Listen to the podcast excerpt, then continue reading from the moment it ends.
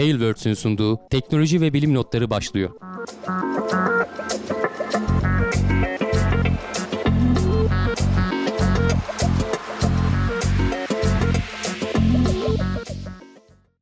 Teknoloji ve bilim notlarına hoş geldiniz. Ben Hamdi Kellecioğlu. Karşımda her zaman olduğu gibi Cevdet Acarsoy yok. Bu hafta tek başıma yayını yapıyor olacağım. Cevdet'in bir işe çıktı son anda. Canını da ayarlayamadık. Ee, tek başına e, one man show şeklinde görevi devam ettireyim dedim. Bakalım inşallah hem yayını yönetip hem bir şeyler anlatıp hem de yorumlara bakarak altından kalkmayı başarabileceğimi umuyorum. Ee, öncelikle kısaca genel duyurularımızı yapalım. Ee, Teknoseyir'e destek olmak istiyorsanız kanalımıza abone olabilirsiniz. Ee, hemen e, abone butonunun yanındaki katıl düğmesinden katılarak destek seviyenizi arttırabilirsiniz. Aynı şekilde e, Cevdet burada olmasa da Gelecek Bilim diye destek olmak isterseniz onların YouTube kanalına abone olabilirsiniz. Patreon'dan destek olabilirsiniz. Twitch kanallarına abone olabilirsiniz.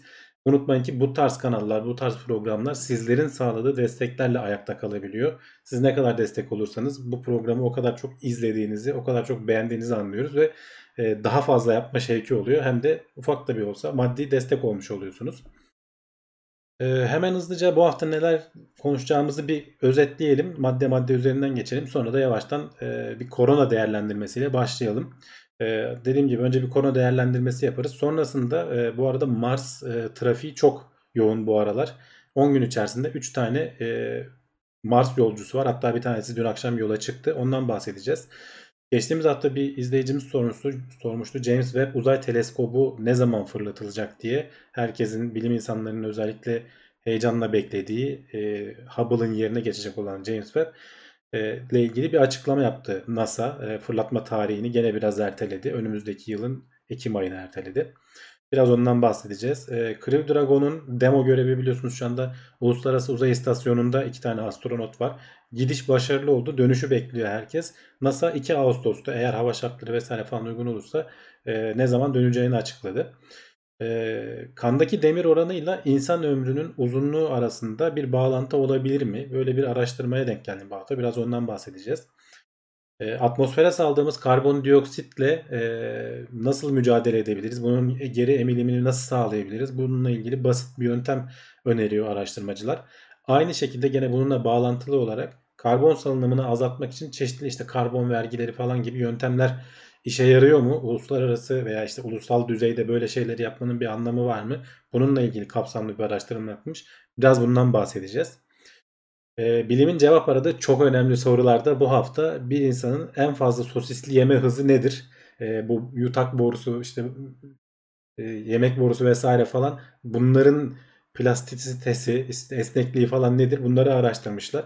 Bunun yarışmaları falan yapılıyor biliyorsunuz. Biraz ondan bahsedeceğiz. Bir de en sonunda hani bilimle alakalı değil ama teknolojiyle alakalı böyle e, bilişim e, mühendislerinin falan e, karşılaştığı ilginç sorunlarından bir tanesi e-posta 800 kilometreden daha uzağa gidemeyen e-posta sorunsalından bahsedeceğiz. Komik eğlenceli bir yazı sizlerle paylaşmak istedim. İsterseniz e, korona değerlendirmesiyle bir başlayalım.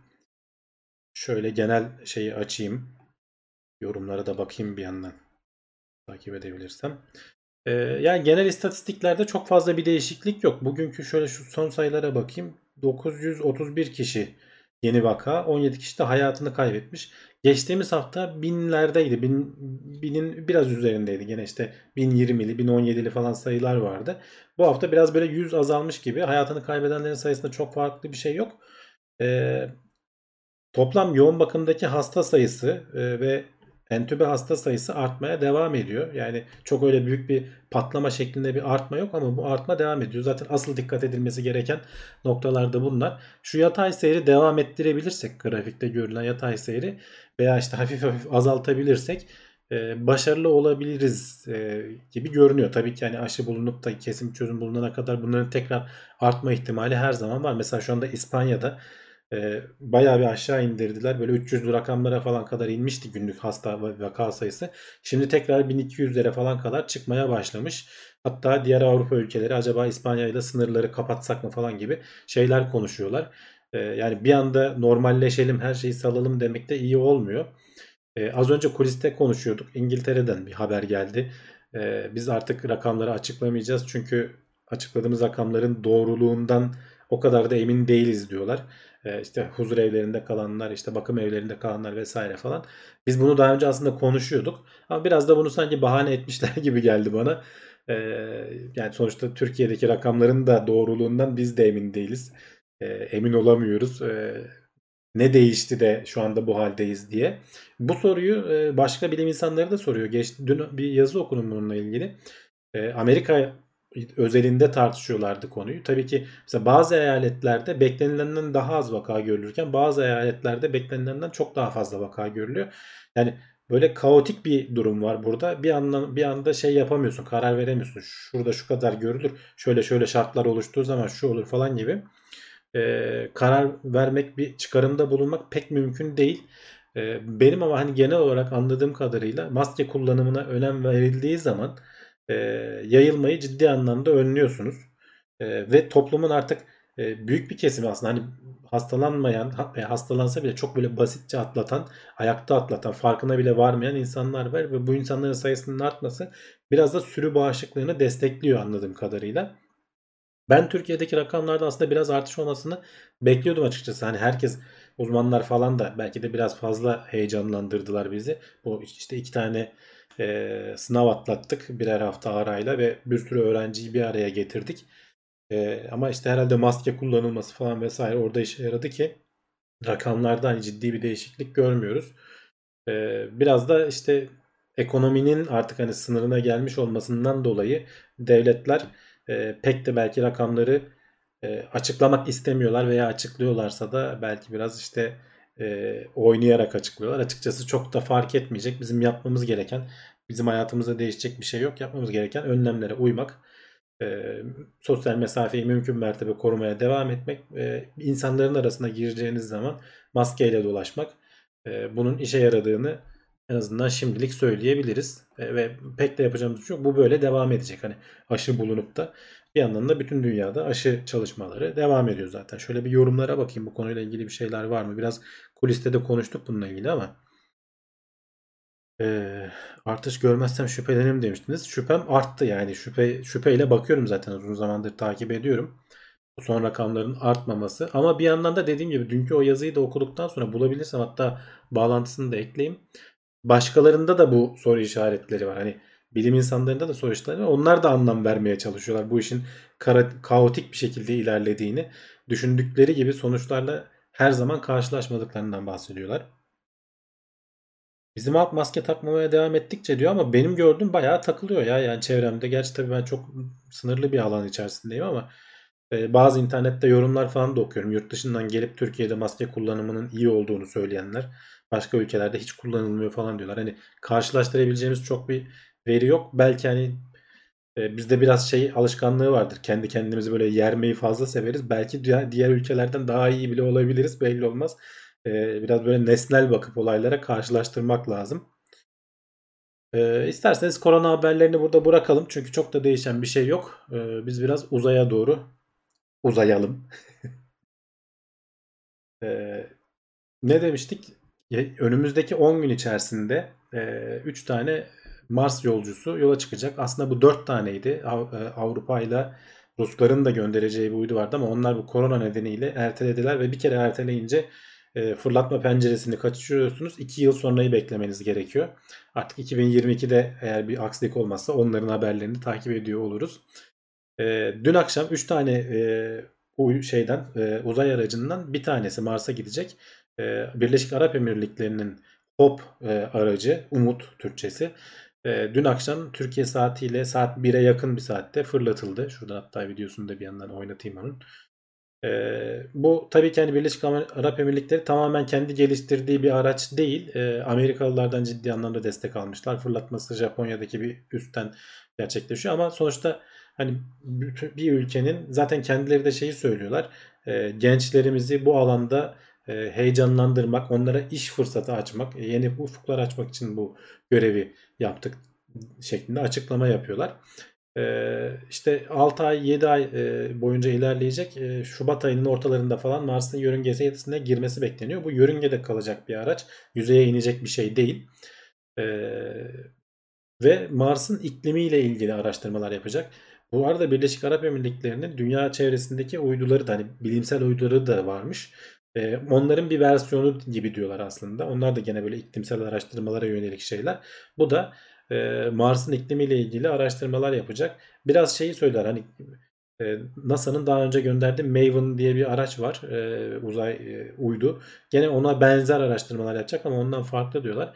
E, geleceğe yörünge sayesinde yaklaşık e, bir hafta 10 günde bir bütün Mars'ı yüzeyini e, ve işte atmosferini ölçebilecek kadar e, biraz böyle eliptik bir yörüngeye oturacağı söyleniyor. E, bakalım hani daha uzun bir yol var önünde. İnşallah hiçbir sıkıntı çıkmazsa Şubat ayında düzgün bir şekilde yörüngeye girebileceğini düşünüyorum. Brave'in dediği gibi evet en azından parayı bilime harcamışlar. Hani buradan elde edilecek bütün veriler sonuçta insanlığın kullanımına açılacak. Başka şeylere de harcayabilirlerdi. Bir sonraki uzay aracı e, bundan bahsettik. Bunu çok fazla artık tekrar detayına girmeyeceğim. E, NASA'nın Perseverance uzay aracı fırlatma tarihini biliyoruz 30 Temmuz'da. Tabii ki bir gecikme olmazsa. Bu arada Hope'un fırlatma tarihi daha önceydi. Hava muhalefeti nedeniyle şu yaklaşık 5-6 günlük falan bir gecikme oldu. E, en sonunda işte dün fırlatabildiler. 20 Temmuz'da fırlatabildiler.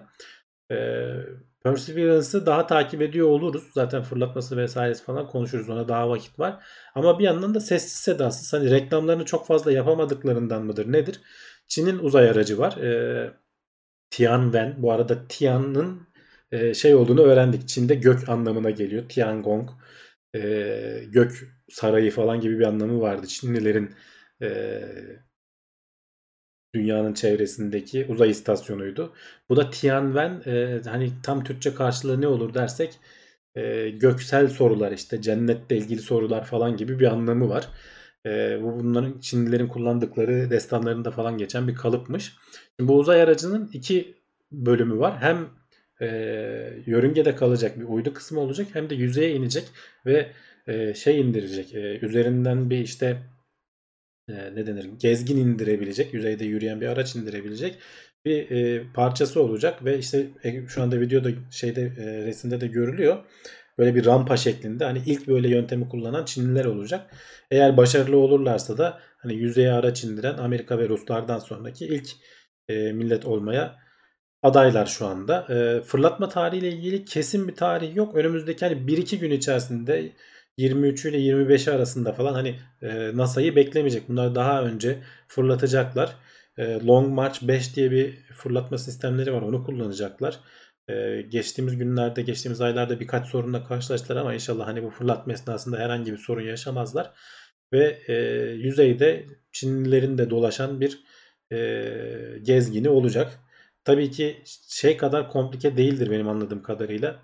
E, bu işte Curiosity ve e, Perseverance kadar komplike bir sistem üzerinde barındırmayacak ama e, bir sonraki görevler için aynı Perseverance'da olduğu gibi bir sonraki görevde Mars'tan toplanılan taşı toprağa dünyaya getirebilecek e, bir altyapının ön hazırlıkları şeklinde diyorlar. Hani burada toplanan bazı şeyleri dünyaya getirebilmeyi planlıyorlar.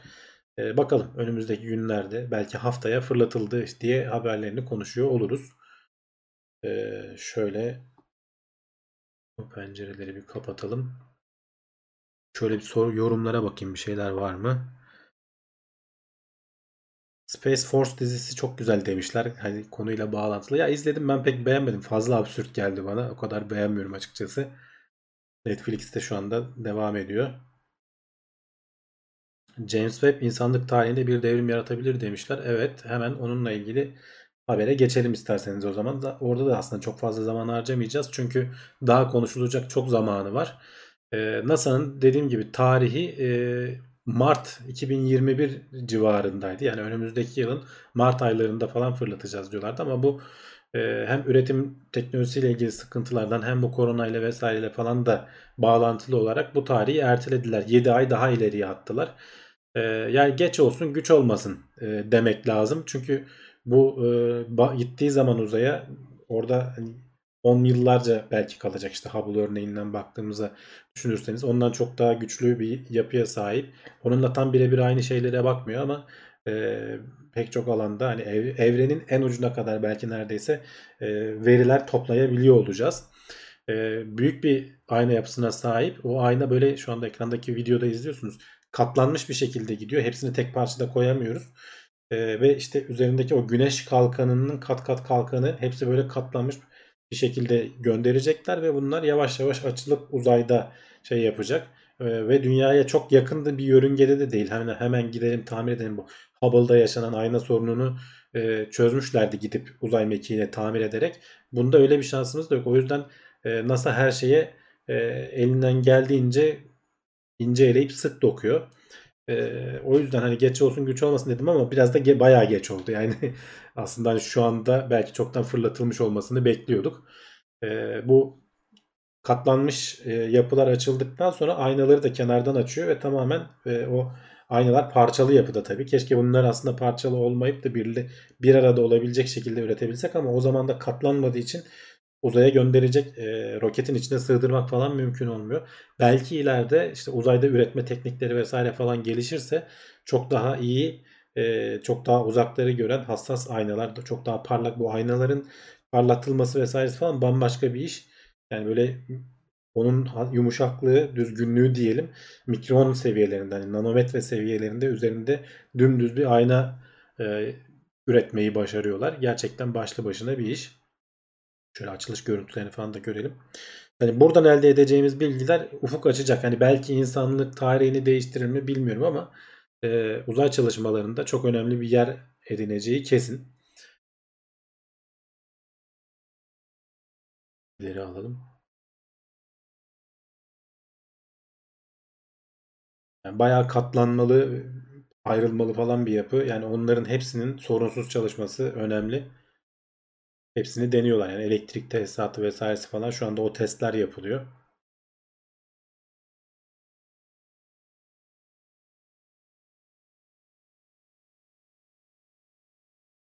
Yorumlara da bakayım bir yandan.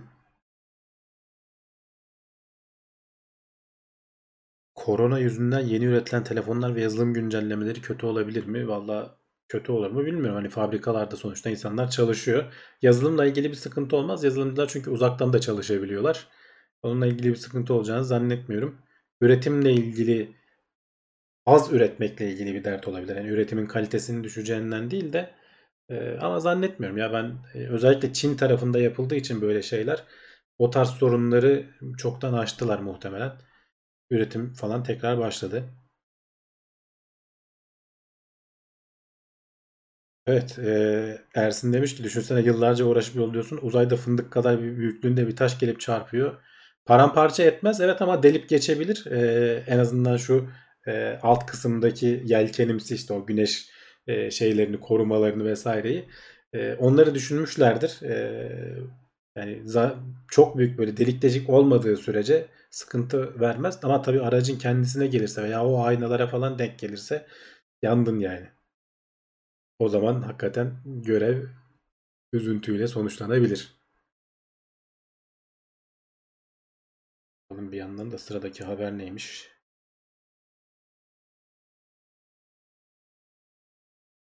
Evet.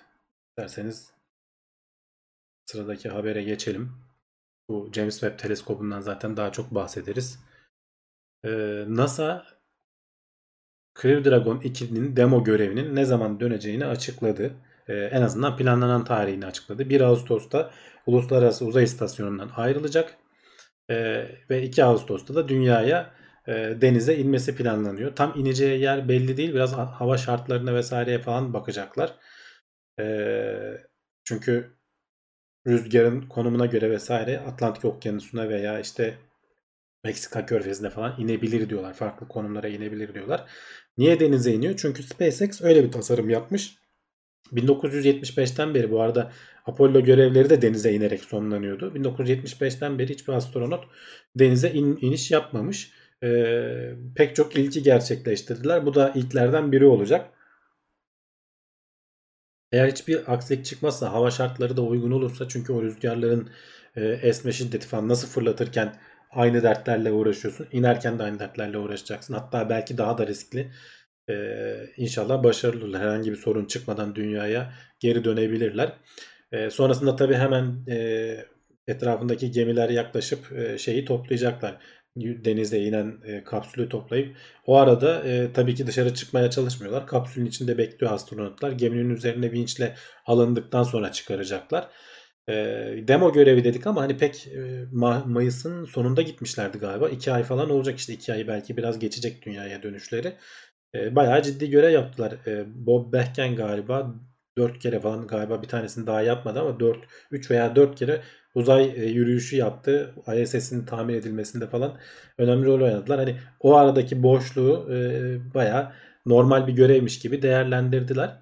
Bir sonraki e, fırlatma ne zaman olacak? Açıkçası onunla ilgili bir haber yok ama herhalde çok orayı açmazlar. Bir ay sonra vesaire falan e, Crew Dragon 1 görevi, demo değil artık bir görevi e, fırlatılır ve ISS'e 3 tane astronot taşıması planlanıyor. E, bu bir görevinde Crew Dragon bir e, demo görevindeki Crew Dragon'dan çok farklı değil ama tabii ki e, SpaceX boş durmamış. Bazı geliştirmeler yapmaya devam etmiş. E, çok büyük geliştirmeler değil. Hani ana sistemler aynı kalmış ama e, bu rüzgarlara dayanmasını sağlayacak bazı işte e, kaportada değişiklikler, güçlendirmeler yaptılar deniyor. Ee, onun dışında bu arada demo görevinde geçtiğimiz haftalarda şeyi denemişler. ISS'te bulunan e, 4 tane astronot e, kapsülün içerisine gidip 4 astronotu nasıl barındırabiliyor, rahat hareket edebiliyor muyuz falan gibisinden denemeler yapmışlar. Çünkü sonraki görevlerde NASA muhtemelen 3 değil de 4 astronot falan göndermeyi planlıyor veya en azından yapabiliyor muyuz diye bunu test etmiş oldular. Bakalım yani bu dünyaya indikten sonra falan görüntüleriyle, ayrıntılarıyla daha e, uzun bir şekilde bu haberi konuşuruz. Şöyle bakayım bir yorum var mı bu arada. Ee, evet riskli şeyler demiş. Uçak bakımı yapıyoruz. Bir ay sürdü. İlk uçuşunda inişte uçağa kuş vurmuş. Ya, yattığı dağ gibi uçak şimdi yeri.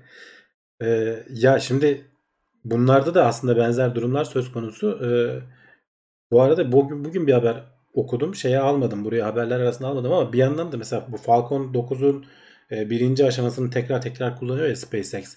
E, onda kendi rekorlarını kıracaklar. Bu e, Kore'nin galiba bir askeri uydusunu fırlatacaklar. Bugün veya işte birkaç gün içerisinde fırlatması gerçekleşecek. Orada tekrar kullanmanın sıklığını daha da kısaltmış olacaklar.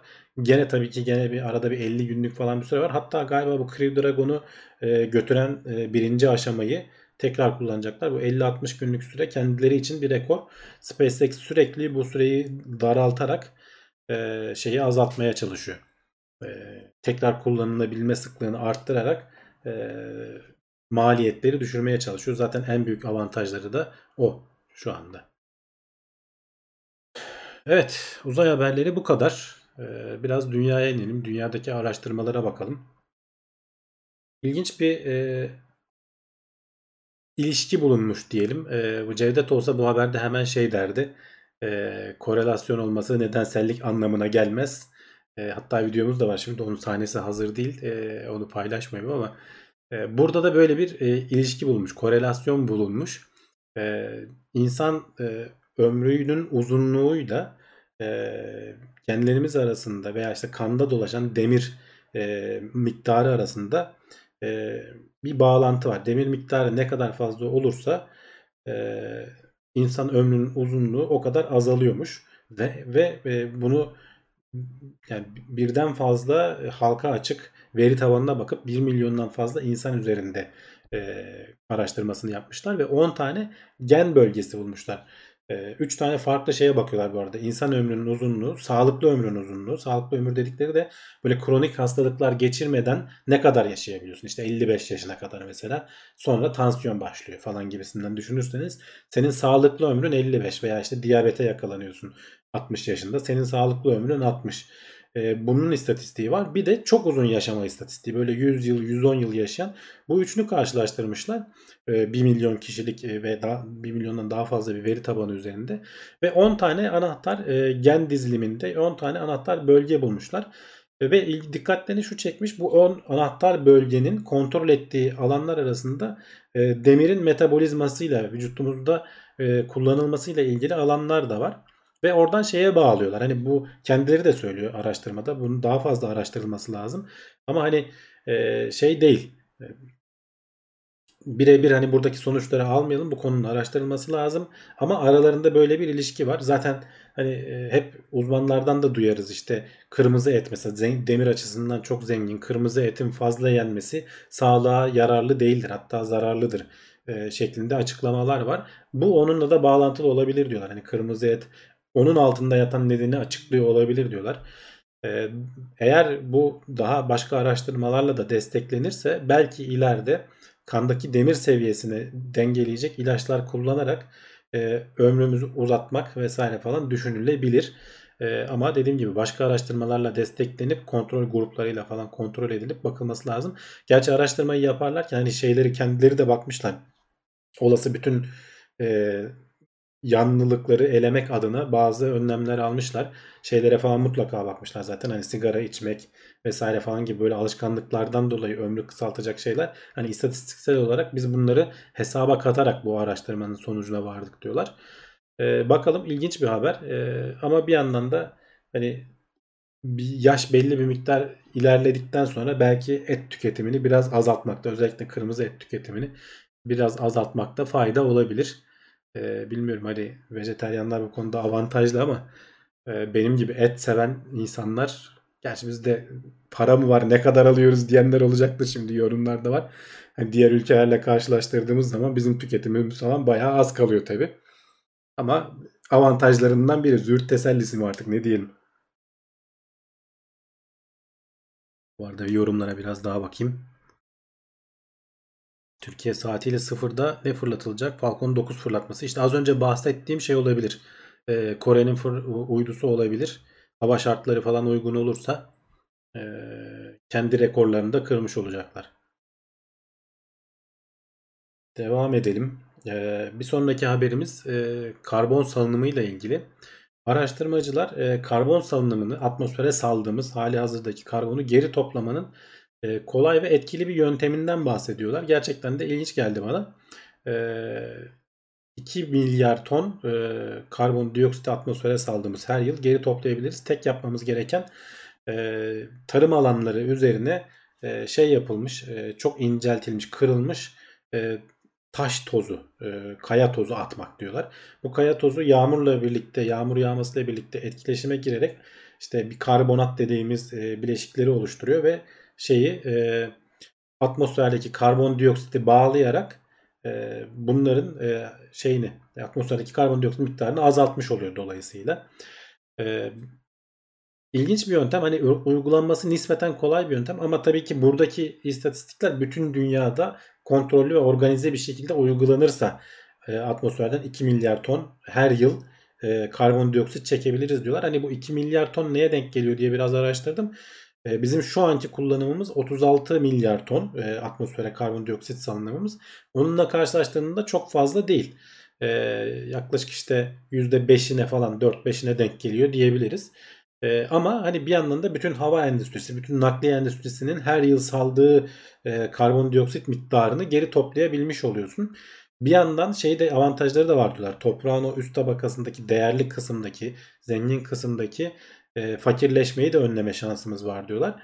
Bir yandan da bu yağmurların asidite özelliğini azaltarak işte bitkilerin zarar görmesini falan da önlüyor diyorlar. Aynı şekilde e, bu e, sel sularıyla vesaireyle falan bu bileşikler okyanuslara, denizlere taşınıyor. Denizlerdeki asidite miktarını, o pH miktarını da düzenleyebilecek bir e, yöntem olarak öneriyorlar. Ama tabii hani e, geçen hafta da konuşmuştuk. Şu an bu önlemleri alsak işte iklim değişikliğini 2050'lerden önce falan göremeyeceğiz diyorlar. Bu araştırmada da e, bu sonuçlara ulaşmak hani koordine bir şekilde çalışma yaparak e, şey yaparız diyorlar. 2050'lere falan anca e, biz bu sonuçlara ulaşabiliriz. Araştırmaların sonucu bunu gösteriyor. E, zaten hani çiftçiler tarımda bazı bölgelerde bu taş öğütülmüş taşları e, tarım alanlarına taş demeyelim de bu toz şeklinden taş deyince tarım alanına zarar verecek gibi algılanmasın. Tozları e, tarım alanına saçıyorlarmış ki işte toprağı korumak için buradaki sadece kullanılacak taş şeyini, çeşidini bazalt e, temelli bir şeye çevirebiliriz diyorlar. Zaten hani altyapı hazır çoğu yerde. Onu kullanacaklar. E, bunları da nereden elde edeceğiz derseniz e, şu an zaten madenlerden falan çıkarılan taşın toprağı burada kullanmak mümkün. E, bu anlamda zengin e, şeyleri ne denir e, madenlerin çıktılarını kullanabiliriz. Hani bir şeyin çöpü diyebileceğimiz e, bir endüstrinin çöpü diyebileceğimiz bir şeyi başka bir yerde fayda sağlayabilir hale getiriyoruz. E, ilginç, e, tartışılması gereken uzmanları tarafından belki de uygulanması gereken bir yöntem. E, bununla bağlı olarak sıradaki habere geçersek e, şu ana kadar yapılmış e, karbon fiyatlaması veya karbon vergisi gibi bir araştırma e, uygulamanın e, düzgün geri dönüşler oluşturup oluşturmadığını araştırmışlar. En büyük bir araştırma yapılmış. Yani çok çok fazla veri üzerinde toplanarak yapılmış. E, ve olumlu sonuçlar verdiği gözlemlenmiş. E, şurada şöyle bir grafik vardı onu açabilirsem. E, karbon vergilendirmesi uygulayan ülkelerde şimdi her gün zaten ekonominin ve işte büyümesiyle şimdi bu Covid bu işleri bozdu ama normalde her yıl %3 artış gözlemleniyormuş ortalama. Şu yeşil olanlar ekranda gördüğünüz e, vergilendirme olmayan ülkeler bunların ortalaması her yıl %3 artış karbon emisyonlarında %3 artış. Vergilendirme olan ülkelerde ise karbon emisyonlarında %2 azalma var. Yani aradaki fark %5 aslında. Vergilendirme sağlayarak e, ortalamada %5'lik bir e, şey sağlanabilir diyorlar. E, yani bunu niye araştırmışlar derseniz bununla aslında ilgili ilginç bir şey var. Çünkü bazen bu uyguladığınız ekonomik yaptırımlar beklediğinizin tam tersi sonuçlara neden olabiliyor. E, belki hikayesini durmuşsunuzdur. Kobra etkisi diye bir şey var. E, İngilizce'de Kobra efekt diye geçiyor. E, bu biraz da eğlenceli, komik de bir hikaye. İngilizler bu Hindistan'ı egemenlikleri altında tuttukları zamanlarda çok fazla etrafta kobra yılanı var. Bunlardan kurtulmak istiyorlar ve şey diyorlar hani yerel halka e, bizi bana kobra yılanını getirenlere para vereceğim. Yani yılan başına ödül koyuyorlar. E, ilk başta tabii ki halk kobra yılanlarını toplayıp öldürüp e, İngiliz yetkililere teslim ediyor. Paralarını alıyor. Ama sonra doğadaki yılanlar azalmaya başlayınca halk bu sefer kendi üretmeye başlıyor. E, kobra çiftlikleri oluşuyor. İngiliz, İngilizlerden para koparmak için e, doğada olanlardan çok daha fazlasını üretiyorlar. Bir süre sonra İngilizler bu yana uyanıyor tabi. Lan bu adamlar e, istemediğimiz bir şekilde kobra üretiyor diye. E, ve e, kobra başına verilen ödülü iptal ediyorlar. Dolayısıyla bu sefer bu çiftliklerin bir anlamı kalmamış oluyor ve hepsini doğaya geri salıyorlar ve bir anda başladıklarından daha kötü bir sonuca ulaşmış oluyorlar. Yani bu tarz ekonomik anlamda böyle inisiyatifler uygularken, böyle etkiler uygularken dikkat etmek lazım. Bu hani hep İngilizce Hindistan anlatılıyor ama Wikipedia sayfasına bakarsanız başka ülkelerde başka versiyonları da var. Mesela Vietnam'da farelerle ilgili gene Fransızlar bu farelerin kuyruğunu getiren, öldürenlere ve kuyruğunu getirenlere ödül koyuyorlar. Bir süre sonra şeyi fark ediyorlar e, yerel halk sadece kuyruğunu kesip hayvanı bırakıyor ki çiftleşip çoğalsın başka fareler olsun. Biz kuyruklarını kesip kesip Fransızlardan para koparalım. E, aynı şekilde 1958'de Mao Zedong'un e, Çin'de uyguladığı büyük atılım mıydı öyle bir ismi var onun. Onunla ilgili olarak e, uyguladığı bir bütün işte böyle sivrisinekleri falan serçleri vesaire öldürdükleri bir e, şey yapıyorlar ve bu ser, serçelerin ölmesi özellikle bir sonraki yıl e, çok fazla haşeratın, böceğin patlama yapmasıyla ve bütün ekinleri yiyip yok etmesiyle sonuçlanıyor. Ve çok büyük bir kıtlık yani milyonlarca insanın ölmesiyle sonuçlanıyor. Bu 1969 60'lardaki e, Çin'de yaşanan olay. Gene daha yakın tarihe gel- gelirsek e, bu biraz karbon vergilendirmesi gibi burada bir benzer şey var. Birleşmiş Milletler'in bir e, 2005 yılında uygulamaya koyduğu bir şey var. E, HFC 23 dedikleri herhalde bu soğutma sistemlerinde falan kullanılan bir gaz. E, bu gazın üretimini azaltmak için bunu yok edenlere destek anlamında bir para veriyor. E, Birleşmiş Milletler ama şeyle sonuçlanıyor. Bu bunu yok edebilmek için bu şeyin sonucunda çıkan bir e, endüstriyel üretimin sonucunda çıkan başka bir gaz. E, başka yöntemler de var üretmenin ama herkes bunu yok etmek daha verimli olduğu için para gelecek e, devletten. Herkes bu yöntemle üretmeye başlıyor ve dolayısıyla sen azaltmaya çalıştığın bir şeyi arttırmakla sonuçlan, sonuçlanmış oluyorsun. Yani yakın tarihte de bunun örnekleri var. Bunu fark ettikleri zaman 2012 yılında, 2013 yılında bu desteği kesmişler. E, konuya dönecek olursak yani bunu araştırmalarının sebebi de biraz bu. Yani e, şeyi Şimdi biz bu karbon vergilendirmesini uygulayacağız ama bunun bize acaba negatif etkileri olur mu vesaire falan gibi e, bir şey yapıyorlar ama e, büyük çaplı hani araştırmada yaklaşık 140 ülke 142 ülkeden falan bahsediliyor. E, olumlu sonuçları olduğu gözlemleniyor ama bu karbon vergilendirmesi falan biraz ekonomiyle falan çok bağlantılı olduğu için e, kolay kolay yapılabilecek işler değil. E, özellikle işte şimdi Kyoto protokolünden falan da çekiliyor ülkeler. Hani bu iklim anlaşmaları vesaireler falan kimsenin umurunda değil. Devletlerin bir araya gelip de uygulayabileceği anca böyle Avrupa Birliği falan gibi böyle birliklerin bir araya gelip uygulayabileceği bir şeyler ama sen kendi ülkene uygulayıp da yandaki ülkede uygulamadığı zaman ekonomik anlamda negatif etkiler yaşamaya başlıyorsun. Ve bunun sonuçları senin e, yükü sırtlanıp hani bütün dünyanın yükünü sen sırtlanıp taşımak zorunda kalıyorsun. Buna da kimse yaklaşmıyor. Hani bütün insanlık olarak bir araya gelmemiz gereken konulardan biri. Şöyle yorumlara bakayım. Ee, evet leap forward mıydı neydi demiş. Evet yani büyük atılım büyük atılacağız deyip e, kendi halkına büyük zararlar veren e, garip bir şey var. E, Rüzgar tribünün fanını elinde çevir demişler. O onlar öyle elle çevrilecek kadar değiller. Yanlışlıkla koparırsak da altında kalırız bu sefer. Yani başımıza ciddi bela olur. Şöyle bakalım yorumlarda da.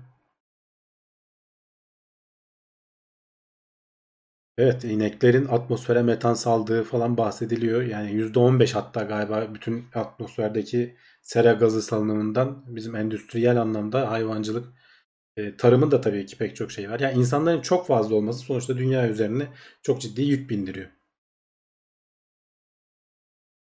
Evet sıradaki habere geçelim. Ee, bu ilginç haberlerden biri.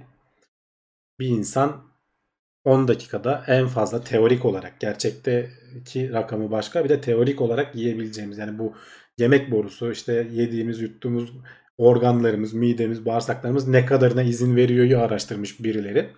Ee, her yıl e, dünyada şöyle işte ekranda onun görüntüsünü de vereyim. Pek eğlenceli görüntüler değil. Önceden uyarayım hani izlemek istemeyenler bakmasın. Her yıl dünyada bunun yarışması yapılıyor. Bu yıl e, biraz korona tedbirleri de alınarak yapılmış. E, bir abimiz var şu anda ekranda gördüğünüz Chestnut soyadlı. Rekoru elinde bulunduruyor. 10 dakikada 75 tane sosisli yemiş. Gördüğünüz gibi hani böyle normal sosisliyi böyle ekmek arası güzel güzel lezzetlendirerek yeme durumunda değiller. Bunlar yarıştıkları için e, son derece iğrenç bir şekilde yiyorlar. Ekmeklerini ayrı, sosislerini ayrı falan yiyorlar. E, hatta işte şey göreceksiniz ekmeği oradaki suya batırıp ıslatıp e, yumuşattıktan sonra ağzına tıkıyor. Yani böyle çiğneyip yutma falan gibi şey yok. Böyle ağızlarına teperek aslında kendilerini eğitmişler. Zaten bu araştırmada da biraz ona bakıyor. Bu öğrenilebilen bir şey. Zaten geçmiş istatistiklere bakarak son işte 40 yıldır falan varmış galiba. 39 yıllık geçmiş dataya bakmışlar. Ee, 5 katı falan eski 80'lerde yenilen işte yaklaşık 10 tane falan sosis 10-15 e, tane sosis diyebilirken şimdi 75 rekor. E, ölçülen de hani adamların vardıkları rakam da teorik olarak 84 yiyebilir diyorlar bir insan en fazla. E, ama tabii hani bu her zaman aşılabilir. buna niyeti bozan yarışmacılar ellerinden geleni yapıp bu rekoru kırmak isteyebilirler.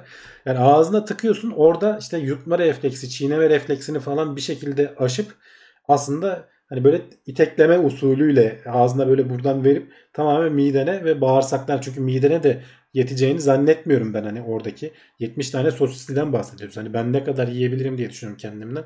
Hani herhalde 3 tane yesem falan bayağı tıkanırım yani e, şeyden e, yemekten. E, ufak şeyler değiller.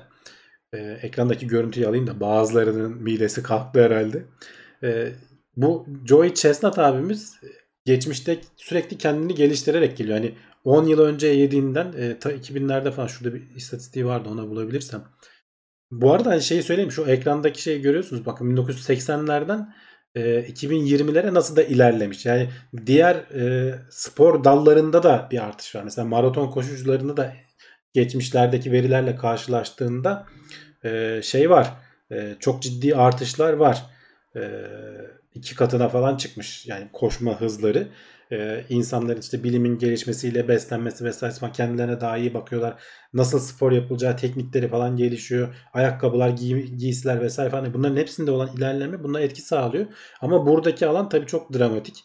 Ee, bir, belki de nispeten yeni bir alan olmasıyla da ilgili olabilir. Hani 5 katı artış sağlamak 80'lerdeki rakamlara göre. 2005 yılında bu Joey Chestnut abimiz 267 gram dakikada yiyebilirken şu anda 740 grama kadar çıkmış 2018 yılında. Ama hani e, tabii ki burada şeyi söylüyorlar. Yani burada yediğin şey e, midende de durmaması lazım. Hani o midenden direkt bağırsaklara doğru ilerlemesi lazım. Ya da artık miden aşırı genişliyor. E, bunun tabii hani sağlığa son derece negatif yönde bir, bir etkisi olduğu kesin. Ee, diğer sporlar her ne kadar bizi böyle fit olmamızı, fiziksel anlamda daha iyi olmamızı sağlıyor olsalar da e, bu yarışma pek öyle bir şey değil. Ben açıkçası anlayamıyorum. Hani niye böyle bir şeye insan kalkışıyor. Edebimizde, namusumuzda güzel güzel yesek e, keyfini çıkararak olmuyor. Bakalım şöyle yorumlarda. Burada yorum sayısı biraz arttı. Herkesin ilgisini çekti bu haber anlaşılan. 2000, 2000 yılında atılım olmuş Leap Forward diyorlar. Evet 2000 yılında. Ya tabii burada e, araştırmacıların söylediği şeylerden biri e, bir kere şimdi bu yarışmada her zaman aynı sosisler kullanılmamış. Hani onun bir standardı yok. E, bazı bir yıllar arasında boşluklar var. Hani bu araştırmanın sonucunda biz bunu yaptık ama hani bu eksiklerini de söylemek hani şeydir e, adettendir bilimsel araştırmalarda. E, kendi eksiklerini de söylüyorlar. Hani elde ettiğimiz datalar falan bazı anlamda o kadar güvenilir değil. E, Murat Bulat da zırva demiş. Evet katılıyorum kesinlikle. Ya o kadar yesen evet reflüyse bu adamlarda da vardır belki. Yani bir şimdi biz tabii sadece yarışmadakini görüyoruz ama adam belki geri kalan ömründe eziyet çekerek yaşayacak. İstatistiğini çıkarmışlar. Allah her şeyin istatistiği olur, bilimsel araştırması olur. E, bu da onlardan biri. Neyse bu konuyu geçelim. E, ilginç bizim bilim e, teknoseyir izleyicilerinin, bilişim izleyicilerinin seveceği bir haber var. İlginç bir e, şeye denk geldim. Haber değil de birinin başından geçmiş bir olay. E, bir e, sistem yöneticisi bir üniversitedeki kampüste e, e-posta sistemlerini yöneten bir abimiz. Trey Harris diye. Böyle son derece de düzgün e-mail ile yazılmış, düz yazıyla yazılmış bir web sayfasında e, paylaşmış bunu. MIT'nin sayfasında. E, bir gün telefon geliyor. E, karşısında istatistik bölümünün dekanı var. E, diyor ki biz maillerimiz işte 500 mil yaklaşık işte 800 kilometre öteye kilometreden daha uzağa gitmiyor diyor. Adam diyor bir anda böyle kahvemi tükürecek gibi oldum. Yani nasıl yani e-postanın nasıl çalıştığını biliyorsunuz değil mi diyor. Yani e, 800 kilometrenin öteye gitmemesi falan nasıl emin misiniz? Tabi tabi diyor biz diyor datayı aldık diyor. Adam sonuçta istatistik e, bölümünün dekanı. E, CO istatistikçi diyor görevlendirdim bir tane diyor. Tam net söylemem gerekirse 520 mil diyor. Yani işte 830-840 kilometrenin ötesine e, şey gitmiyor diyor. E-postalar gitmiyor diyor. Ee, inanamadım diyor tabii hani böyle şey mi olur? Ya denedik diyor adam başka işte şu illere Arizona'ya gönderdik bilmem nereye gönderdik falan. Ee, 800 kilometrenin ötesine e-postalar gitmiyor arkadaş buna bir bak diyorlar. Adam da diyor ki peki ne oldu? Hani ne değişti de böyle bir şey oldu? Şimdiye kadar böyle bir sorununuz yoktu. Ya diyor ki 2-3 gün önce bir adam geldi. Bizim işte sistemimizi güncelledi gitti. Ondan sonra da bu böyle oldu. Biz de tabii bu arada biraz data birikmesini bekledik ne olduğunu tam anlamak için. E, neyse konuyu incelemeye başlıyor. Önce bir deneme yapıyor nasıl olabilir diye. Gerçekten kendisi de bir uzaktaki yakındaki bir arkadaşına atıyor. Yaklaşık işte böyle 400 kilometre uzaktaki bir arkadaşına atıyor. E-posta gidiyor. 600 kilometre uzaktaki 800 kilometre uzaktaki bir arkadaşına atıyor. Gitmiyor.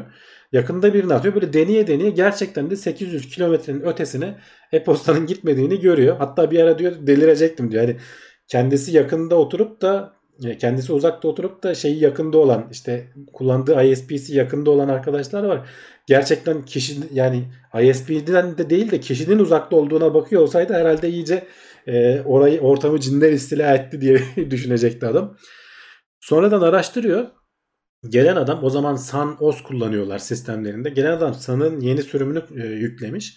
E, ama diyor ki ben diyor tabii güncellemeleri takip eden bir şey. Mail server'ın 8.0 sürümünü kullanıyorum diyor. Kullandığım e, şey de e, config dosyası da konfigürasyon dosyası da e, buna uygun 8.0 sürümüne uygun ama işletim sistemini güncelleyince Sanos'un işte bu e-posta sunucusu neyse artık 5.0 sürümüne düşüyor ve e, bu konfigürasyon dosyasındaki bazı e, şeyleri ne denir e, konfigürasyonları algılayamıyor ve orada da çok ilginç bir şey oluyor. E, timeout süresini sıfır olarak algıladığı için tam sıfır olmuyor. Sıfır olsa hani herkese göndermesi anlarsın. Burada 0.3 milisaniye gibi e, ya da 3 milisaniye gibi e, bir süreye denk geliyor. O bilgisayarda o yük altında böyle bir süreye denk geliyormuş. Ve 3 milisaniyede de artık ışık hızı ne kadar gidebiliyorsa adam onun hesabını da yapmış şu altta gösteriyor. 3 milisaniye işte ışık hızına bölüyor. Gerçekten de 500 558 mil civarında falan bir şey çıkıyor. Karşıdaki sonucunun falan eğer gecikmesi vesairesi falan yoksa bu arada diyor bizim şeylerimiz de hani hatlarımız da o zaman switch sistemiyle geçmişti. Dolayısıyla çok hızlıydı diyor. Yani böyle bir hatlarda gecikme falan da yok. Işık hızının ulaşabildiği yere kadar e-postalar gitmiş. Geri kalana gidememiş. Neyse ki e, sen mailin 8 sürümünü kurup e, konuyu çözmüş. Yani gerçekten de böyle bilişim dünyası söz konusu olduğu zaman e, çok acayip hatalarla hiç beklemediğin şeylerle karşılaşabiliyorsun. Hele bir de işte teknik serviste falan çalışanlarınız varsa aranızda bilirsiniz böyle bazen e, ararlar çok alakasız bir şey söyler ama adam yaşadığı şeyi söyler. Yani düşünsene e-posta gönde 800 kilometre öteye yani son derece tamamen elektronik olan bir şey gitmiyor. Ama işte sonuçta gerçek dünya ile ilgili bağlantıları falan olan bir şey sonuçta. Gerçekten ilginç e, bir şeydi. E, ne denir? Birinin başından geçmiş ilginç bir vaka. E, sizde varsa aslında böyle şeyler e, paylaşın. Birazdan kulis bölümünde konuşuruz. Haberlerimizi bitirmiş olduk. E, tek kişi olunca biraz daha hızlı mı oldu? 45 dakikada takır takır her şeyi anlattım galiba. Biraz böyle sohbet edememiş olduk. Yorumlara falan da bakamamış olduk ama artık şimdi kulis bölümü yaparız. E, orada yorumlara bakarız. İnşallah haftaya e, Cevdet de buralarda olursa gene sohbetli e, teknoloji ve bilim gündemine geri dönüş yapmış oluruz. Olmadı bir şekilde gene böyle tek tek kişiyle de idare edebildiğim gibi görülüyor. Ee, şimdilik dediğim gibi haberler bu kadar. Ee, sponsor videosunu vereyim. Bu haftalık veda edelim. Polis bölümünde devam ediyoruz.